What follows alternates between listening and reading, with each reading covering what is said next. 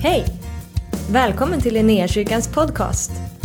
Vi hoppas att det här ordet ska uppmuntra dig, stärka dig i din tro och leda dig in i djupare relation med Jesus. Gud välsigne dig i ditt lyssnande.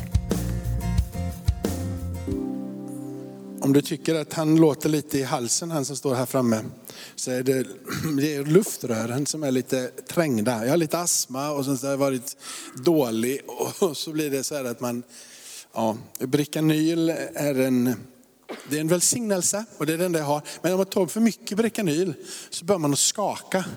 Så därför så tänker jag att jag får inte ta för mycket Bricanyl för det, det är obehagligt. Det blir hjärtklappning och så börjar man skaka.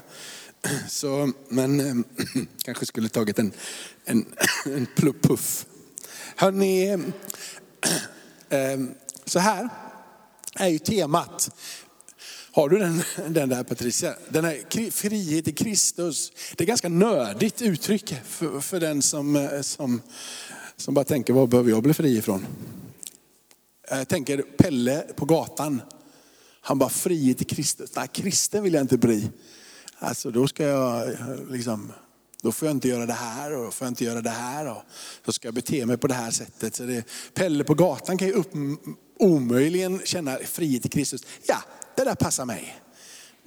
Det är min, liksom, min känsla när jag pratar med människor att ah, fri, kristen, då blir man ju bunden mer än någon annan. Då ska man ju göra det här och det här och så vidare. Eh, och ändå så är det någonting som vi sjunger om i de här låtarna som vi har sjungit här. Vi har sjungit det många gånger här idag. Och vi, vi är någonting som vi celebrerar högt. Vi är friköpta, vi har frihet i Kristus. Eh, vi är fria och vi är fria. Och den sonen gör fri är verkligen fri och vi är fria och vi är fria. Och så sjunger vi om det om och om igen. Så jag hoppas att det, du vet vad det är du sjunger och vad det är du tror på. Så eh, därför så, så, om du inte vet det, då ska vi hjälpa varandra på traven, är det meningen här. Vad har vi blivit fria ifrån? Det är en ganska, ganska viktig fråga. Eh, och vad har blivit fria till? Och hur lever vi ut den här friheten eh, som vi nu har fått? Då? Jag ska idag försöka hålla mig bara till det första, eh, men vill liksom lägga någon form av inledning och grund för de här tre stycken eh, predikningar som vi kommer ha utifrån det här ämnet och frihet i Kristus. Vad har vi blivit fria ifrån? Eh, mörkrets välde, det var då blivit friad ifrån. Syndens makt, den, det har du blivit fri ifrån. Och syndens makt och mörkrets välde är därför att hindra begränsa dig och där i ligger också vredesdomen. Det som gör att du inte kan få det som du nu har blivit fri till. Sonens rike. Och den möjligheten där från mörkrets välde in i hans älskade sons rike. Den här friheten att få stiga in i, att ta emot det som Paulus förkunnar och talar om för oss är den här nya skapelsen i Kristus. Detta nya andliga rike som har blivit öppnat för dig och mig. Och som har profiterats i gamla testamentet. Den som jag går tillbaka till sen, när jag nämner det lite mer vid olika tillfällen, så kommer det vara från Hesekiel. Hesekiel, han har gett dig ett nytt hjärta, han har gett dig en ny ande. Och med det här så ska vi lära oss att vandra på hans vägar. Det är inte någonting som kommer utifrån som läggs utan det ska förvandlas Från att ha varit en lagbok till ett nytt förbund i Kristus Jesus. Profeteras ut mottagligt för oss genom Jesus i Nya Testamentet, hans död, hans uppståndelse. Och så faller det här nya livet över dig ifrån himmelen som en gåva. Du kan inte ta det, du kan inte liksom bestämma att det är ditt och att du äger inte, men det faller över dig och det tar sin boning på din insida och så växer det till liv. Du har blivit ehm, eh, friköpt i Kristus och fri att få gå in i och bli allting och ta emot allting det som Kristus, som Kristus har för dig. Och hur lever vi ut den här friheten? Och det som vi tar är den som jag, som jag sa här, den sonen gör fri, han är verkligen fri. Sanningen ska göra er fria, eh, från, från, Johannes 8. Och det är ett litet märkligt sammanhang. I det här sammanhanget så pratar han med, med Abrahams barn, han pratar med judar. Och så försöker han tala om för dem att de inte är fria, de fattar ingenting. Och ni har inte sanningen och de fattar ingenting. Vad är hela världen när du pratar, pratar om? Och ibland så tror jag också att vi som kristna står handfallna i, vad är det för för någon frihet vi kan gå in i? Vad är det för någon, för någon liksom, som resa som han har tagit oss till? För att om bara vår resa handlade om att bli fri från synd, skuld och skam och det blir vår kamp och vår strid att leva detta nya liv. Men om vi gör det som Jesus säger att vi ska göra, bli lärjungar till honom och lyfta upp det som är det mest vackra och fantastiska som har blivit placerat över ditt och mitt liv. Det vill säga möjligheten utav att få kämpa den goda kampen. Och där säger Paulus att denna goda kamp, det är att få tala om för världen vem som är universums konung. Det är det absolut vackraste, finaste, mest ädla som en människa kan få göra. Det är att få förmedla evangelium. Inte bara med sitt liv och sina handlingar, utan få tala ut om vem Jesus är.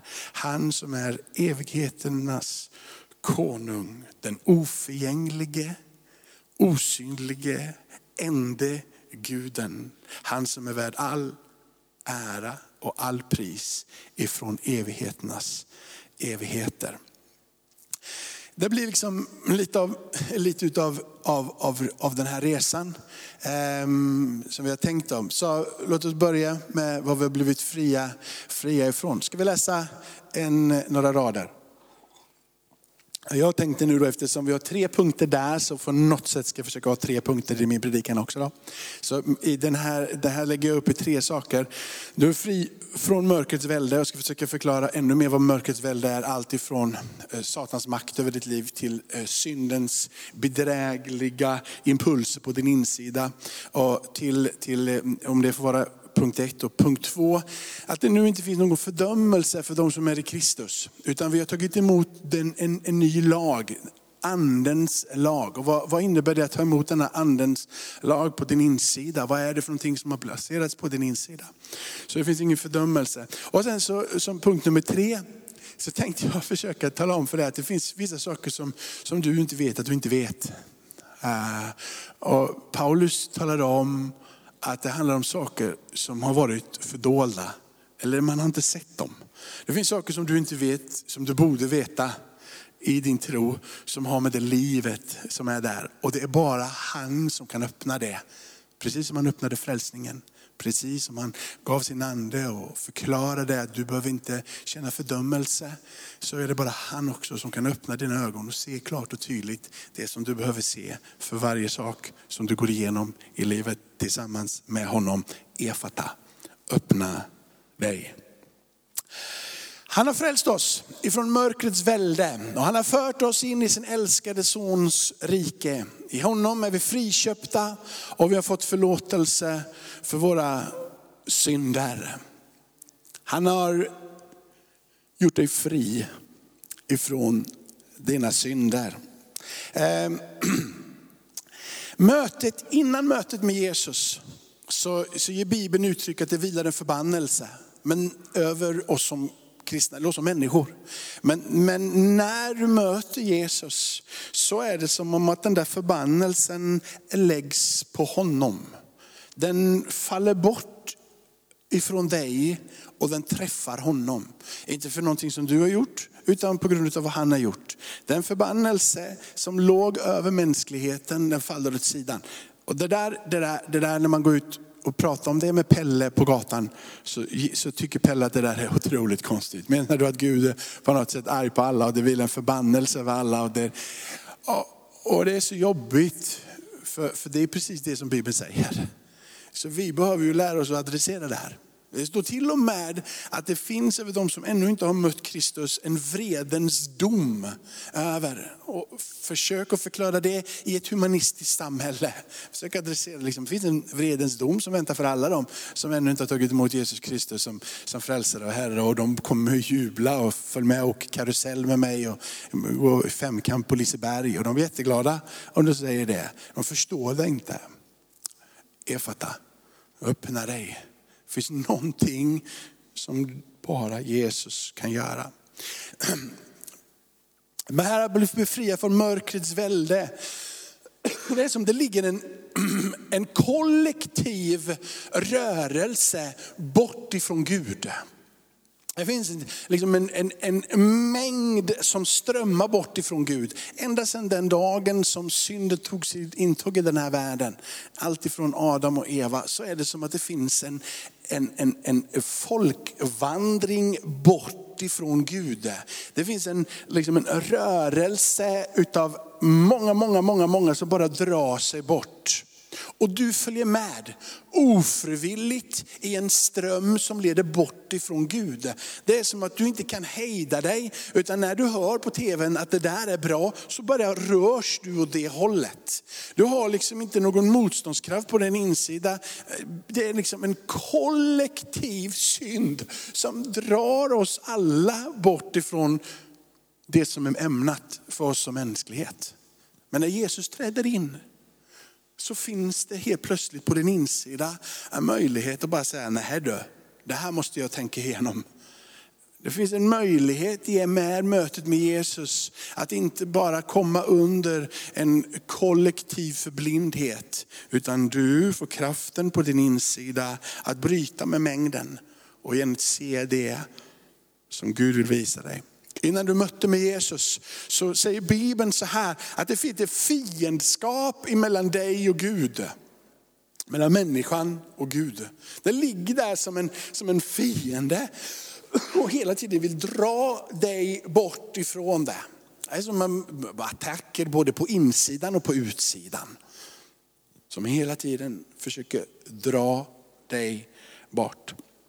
Det finns någonting som Bibeln pratar att vi är, vi är slavar under den onde, eller slavar under Satan. Och det är ett pågående tema genom hela skriften att vi ska få frihet. Gud älskar frihet. Han vill befria sitt folk när de är slavar. Och Gud är inte ute efter att betrycka dig eller att förgöra dig. Utan han är ute efter att frigöra dig. Bort ifrån det som håller dig bunden till och med de saker som du och jag faktiskt inte vet att vi är bundna av. Det finns någonting på din insida som slås sönder när du möter med Jesus. Och det är att bara ständigt vilja ha ditt egna begär till mötesgående. Du har ett begär på din insida, det ligger där. Och det är någonting som Gud säger, kom till mig och låt mig få ha dig för mig själv. Och begäret på din insida är snarare att ge mig vad jag behöver.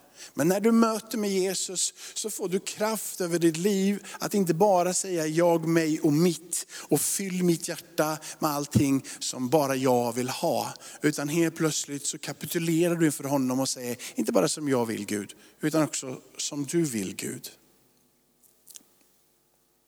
När du möter med Jesus så kommer den här äh, förståelsen över att den här domen som Bibeln pratar om, en vredesdom som Bibeln pratar om.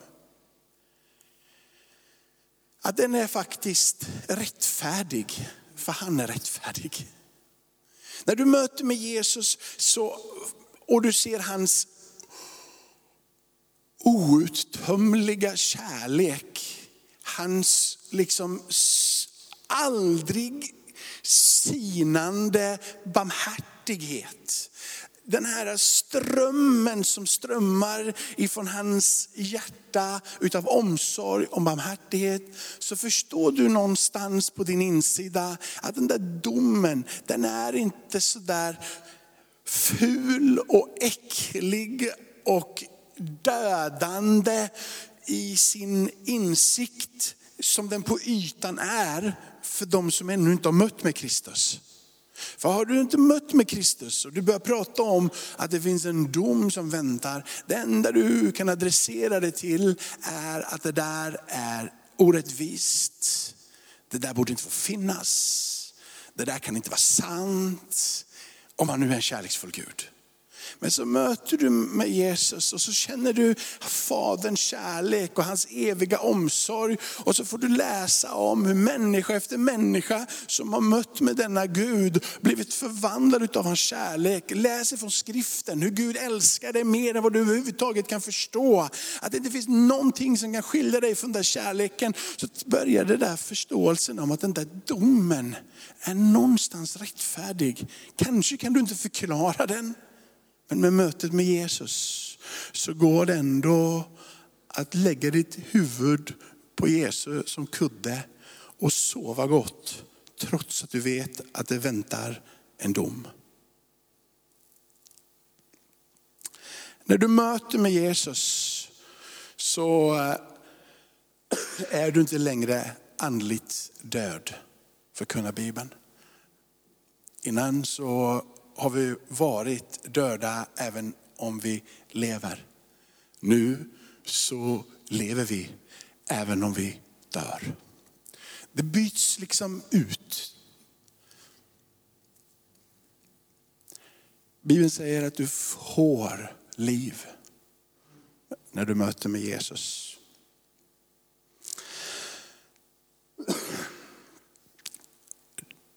Mörkrets välde syndens makt försöker hålla dig borta ifrån det där mötet med Jesus. Du kan inte ta det, men du kan få bli gripen av det. Du kan få ta emot honom och du kan få upp ögonen för vem han verkligen är. Det där löste Jesus själv på korset. Du kan inte, du kan inte göra så mycket Eh, du kan liksom inte lägga till någonting till det. Utan du har blivit fri ifrån det. Det som sen händer är att du tar emot Jesus och sen så börjar det ske saker på din insida. Först i början när du tar emot Jesus så blir du på, det, det som att du får en adrenalinkick. Det är som om att du bara känner att, alltså, inte att du är universums centrum på något konstigt ställe, men det är som att du känner att Jesus ser mig bara rakt sådär. Ja, Gud älskar mig. Jag bara vet hur du känner det och du vill tala om det för alla du möter. Bara Jesus finns. Han är, på, han är verklig, han, han älskar mig, han älskar, han älskar dig. Det är som om att du, du får bara en sån motor på insidan så du vill bara tala om för hela världen hur härligt det är. Men det går ganska snabbt för denna goda kristen att hamna på den platsen där man känner att man inte duger. Och det är så märkligt. Jag duger inte som kristen. Jag är inte tillräckligt bra som kristen.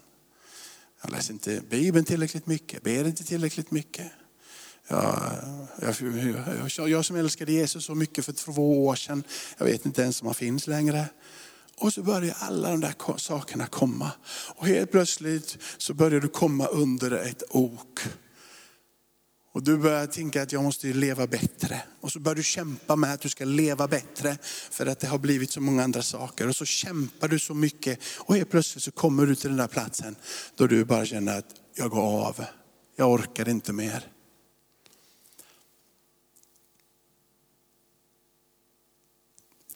Bara jag som har haft den känslan någon gång. Kanske inte då. Okay. Så här står det i Romarbrevet. Andra, min andra punkt, fri från mörkrets välde.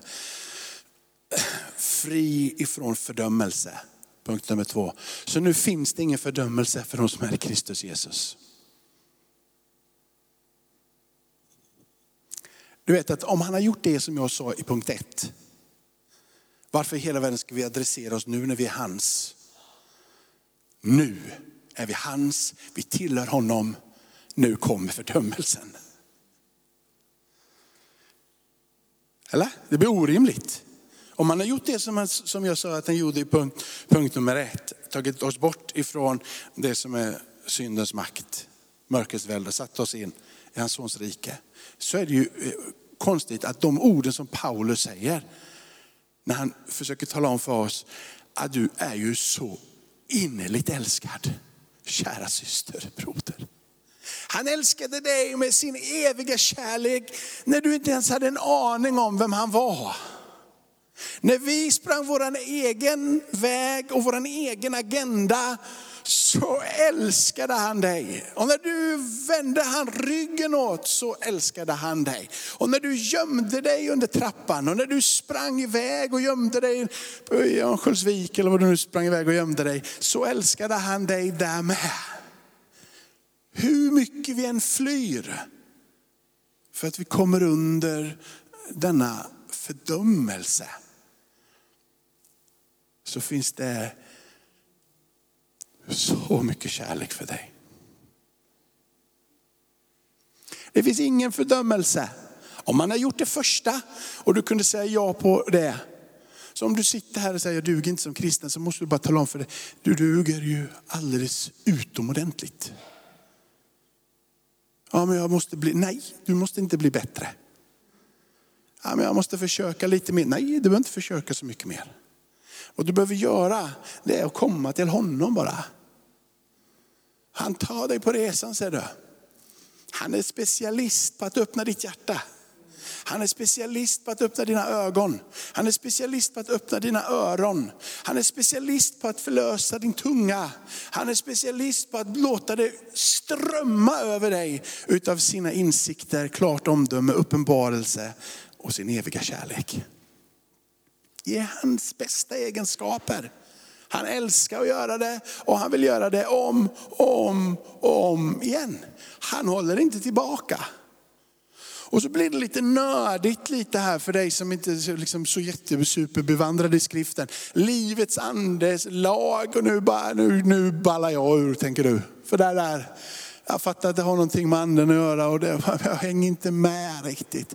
Men jag gjorde så här, jag tänkte så här, vad kommer, om du läser det här, vad kommer du att göra? Så tänkte jag så här, om du, om du läser det här, och du, och nu, för det finns ingen fördömelse för dem i Kristus, livets andes lag i Kristus har gjort mig fri från synden och dödens lag. Så tänker jag så här, vad gör du då? Antingen googlar du, och du kommer få ungefär samma grej. Eller så kollar du en bibel ifall det finns några referensversar och sådana här saker. För det är lättast, här finns ganska mycket enkelt att hitta där. Så tänkte jag, jag ska leta, vad finns det lättare? Och så bara, just det ja. Och det var det som jag nämnde innan ifrån Hesekiel. Ska vi läsa det tillsammans från Hesekiel kapitel 30, 36 och vers 26 och 27. Jag tror att jag inte, att jag inte gav den till Patricia där nere. Nu är jag i Nya Testamentet, där kommer vi inte hitta Hesekiel. Hesekiel 30, får du fram det? 36 och vers 26 och 27. Hon är så snabb. Och den här, det, det, livets andes lag i Kristus. Det här är det här. Säger Bibeln och de som är då mer belästa än du och jag. Liksom så, som, som tycker att de vet vad de håller på med när de har översatt det här. Och, och så vidare. Vi kan, vi kan ändå köpa det, att de är mer, kanske mer belästa än dig och mig. I alla fall mig. Okej, okay. och så står det, jag ska ge er ett nytt hjärta. Jag ska låta en ny ande komma in i er. Alltså jag, för mig låter det här som evangelium. Jag ska ta bort stenhjärtat ur en kropp och jag ska ge ett hjärta av kött. Och jag ska låta min ande komma in i er. Och göra. Jag tycker det är så, det är som att han frälste mig. Och sen så bara säger han, nu gör jag det resten åt dig också. För det känns som att du är oförmögen. Men det är det bästa för dig om du bara öppnar ditt hjärta. Om du bara vill. Jag ska låta min ande komma in i er. Och jag ska plantera Guds rike i dig. Och jag ska låta det här Guds rike på din insida få växa till liv på din insida. Om du bara vårdar det och du låter din jordmån vara god, om du bara öppnar ditt hjärta, om du bara drar dig mot mig så ska jag göra verket på din insida. Du ser, du behöver inte ha någon fördömelse för att du inte duger. Utan du kan villigt komma till honom, ta mig på resan. Och bara känna att du behöver inte vara specialist första dagen. Eller hur? Du behöver inte vara den bästa kristen när du är 45 eller 85 eller 105 heller. Om du lever så länge. Det han vill ha av dig är ditt hjärta. Och det hjärtat det duger gott för han att börja forma. Och ju mer du lägger ditt liv i hans händer, ju mer börjar han att forma. Så du behöver inte ha den där jobbiga attityden att du ska bli bättre kristen hela tiden. Sen så vet ju du och jag också att Gud samverkar ju med dig. Så du behöver ju liksom följa med. Det är inte så att han bara, nu, är det nu, så, äh, nu, tar jag, nu, gör jag, nu slår jag våld på Jakob. Äh, Jakob han är för bångstyrig så nu, för, nu bara trycker jag sönder honom helt och hållet. Och så gör jag som, äh, ta tar bort allting som är Jakob och så gör jag Jakob ännu mindre och så gör jag mig större i honom. Det där blir bra. Inte någonstans ger skriften ett uttryck för det. Utan när ni säger kom, som ett erbjudande till dig och mig att vilja vara hos honom. Som ett erbjudande som varje dag blir ny så som solen går upp. Att låta han få vara med på resan och du får säga ja. Och han får forma.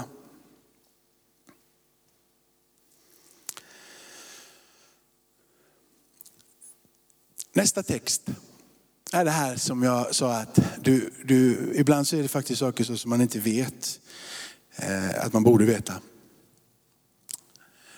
Och den här, när, när han pratar om att han i sin otro här inte visste vad han gjorde, så har ju Paulus som skriver där inte tagit emot Jesus än. Men jag tror att även när vi tar emot Jesus så kan vi ibland göra saker som vi inte vet egentligen att de är rätt. Och i vår otro ibland så tror jag till och med att vi kan bli förblindade så vi inte ens fattar vad det är vi gör. Och så blåser Jesus på dig och mig. Och så är det som om att det där som vi inte innan visste, det vet vi. Det där som vi inte innan kunde greppa, det börjar vi förstå. Det som vi innan tyckte var märkligt, konstigt, börjar klarna.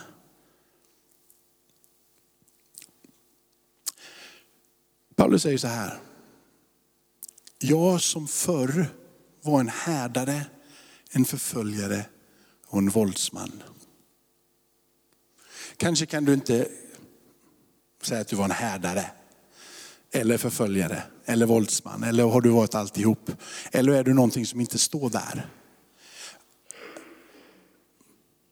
Men jag tror att du faktiskt kan igenkänna dig ändå att förr eh, så var det någon som inte det luktade jättegott om hela tiden.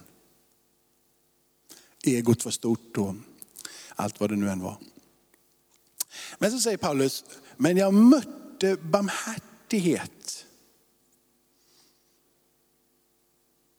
Därför att jag i min otro inte visste vad jag gjorde. Han har varit värre än dig skulle jag vilja säga. Han har varit hemskare än dig, han har gjort värre saker än dig. Och i Guds barmhärtighet så blev han mött ändå. För det fanns en otro där. Han hade inte sett Kristus än. Han hade inte förstått vem Jesus var.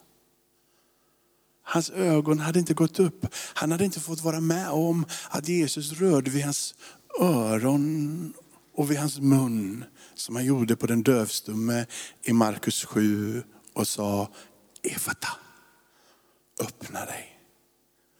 Öronen öppnas och den tunga som inte innan kunde tala kan nu tala tydligt och klart.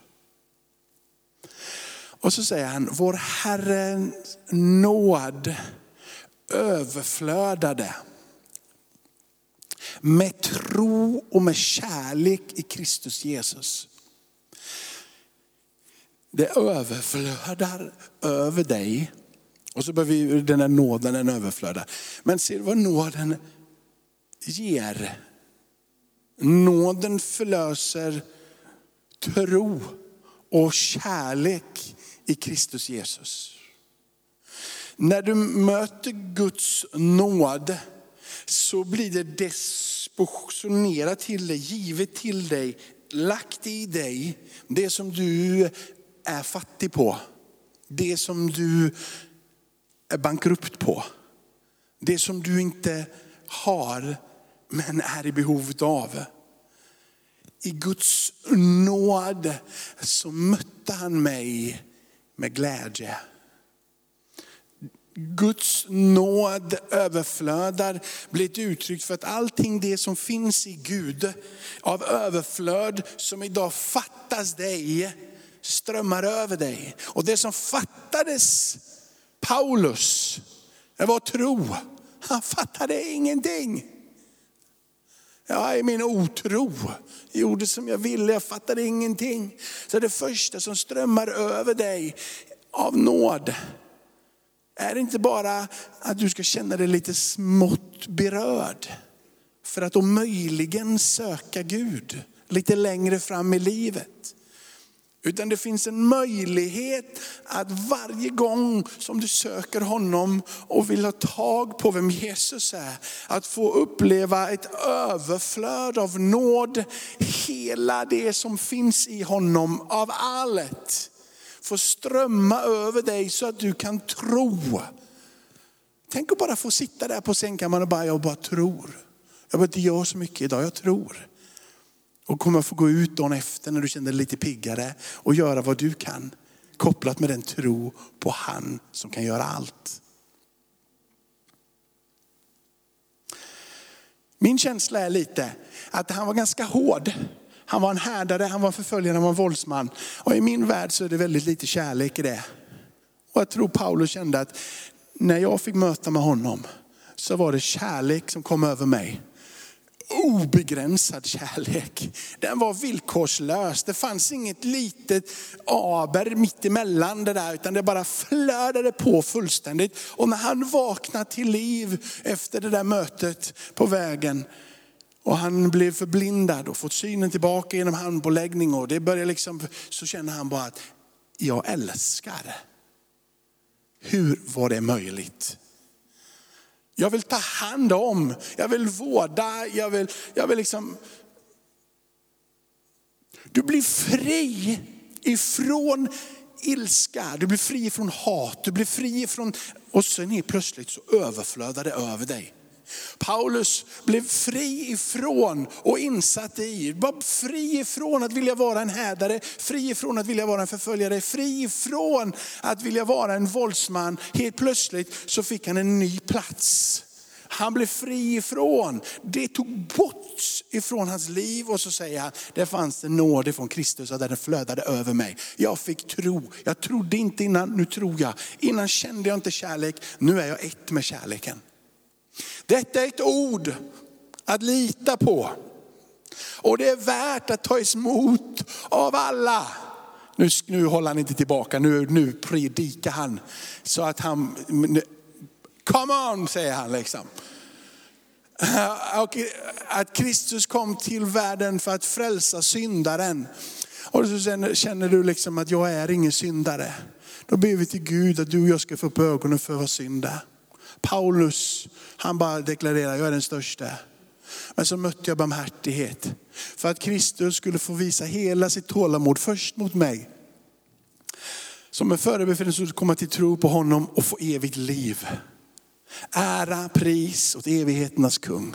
Den odödlige, osynlige, ende guden i evigheternas evighet. Amen. Och så säger han, detta uppdrag har jag för, för, förmana, anförtror jag nu åt dig. Detta uppdrag att förmana anförtror jag nu åt dig, mitt barn Timoteus. I enlighet med de profetior som en gång uttalades över dig. I kraft av dem ska du kämpa den goda kampen. Hörde, du kanske inte vet det än. Men de orden som Paulus talar över Timoteus, att fortsätta den goda kampen. Där ligger outtömlig vishet. Att få vara med om att få kämpa den goda kampen. Att ta upp flaggan och få vara med i den här resan. Där ligger kraft. Där ligger liv.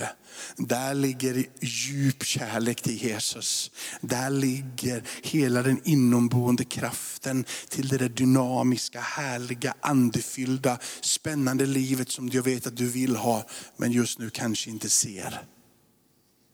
Att få upp ögonen för, att få kraft, att genom profetord, skriften och alla andra ord som är sagda över dig, att igen få upp glöden på insidan. Så har du igen fått tillbaka ditt liv. Kanske visste du inte det. Men låt Gud få öppna dina ögon. Efata. Tackar dig Fader i himmelen att vi får ta ditt ord. Att vi får läsa det, att vi får predika det, att vi får bli fyllda med iver. Att få både förstå skriften och låta skriften få hamna på insidan och få forma våra liv. Det är vad vi vill. Bli formade utav dig själv. Fader i himmelen, när vi går in på slutet av den här gudstjänsten, Herre, så ber jag, möt med oss. Möt med vän var och en av oss. Jag önskar så att jag kunde få, liksom som du gjorde med den här dövstummen, ta dina händer på öronen. Det står att du spottade, det vill inte jag göra. För då, men, men liksom att vi skulle få vara med om den där, när öronen bara öppnar sig. Att jag, jag, skulle få tala över mina vänner idag bara för att säga Efata. Och himmelen öppnar sig. Hjärtat öppnas. Öronen öppnas. Munnen blir förlöst. Kanske du varit rädd att prata, helt plötsligt så bara vågar du, inte det att du bara sitter och babblar sönder allting, men du vågar säga vad du känner. Du vågar säga vad du tycker, du vågar säga vem du tror på. Din tunga kanske blir förlövs till lovprisningen. Du kanske står på gudstjänst efter gudstjänst och du önskar så att du, hade, att du, vågar, att du vågar lyfta dina händer. Eller kanske vågar. Känner att jag bara skulle få säga ett, be högt kanske. Hörde, det går att bli förlöst. Efata, bara öppna dig. Längtar du inte efter att be högt så är inte det ett problem. Bara släpp det. Gå vidare till något annat. Men om du längtar efter att få be högt. Om du längtar efter att få tala i tungor. Du kanske inte längtar efter att tala i tungor. Då är inte det ett problem. Men om du längtar efter att få tala i tungor. om du längtar efter att få uttrycka för Gud vem han är. Så kanske idag, Efata, öppna dig.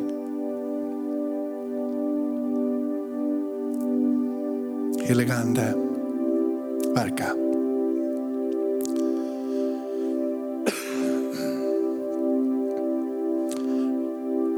Jesus, jag ber att de som lever av någon form av fördömelse på ett eller annat sätt. Att de skulle idag säga, jag har fått ett nytt hjärta, jag har fått en ny ande. Gud verka i mig så att jag gör och följer dig.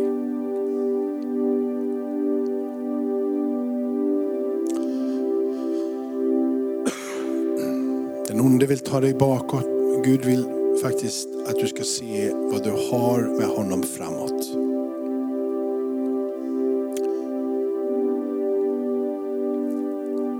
Finns ingen fördömelse. Sudda bort den nu.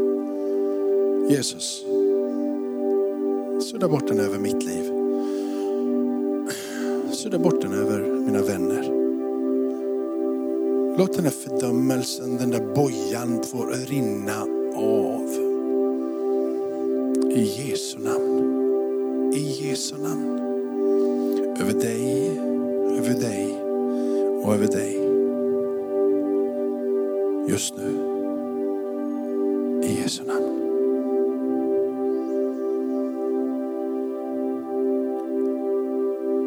Fördömelse får gå. Du tillhör Kristus och det finns ingen fördömelse.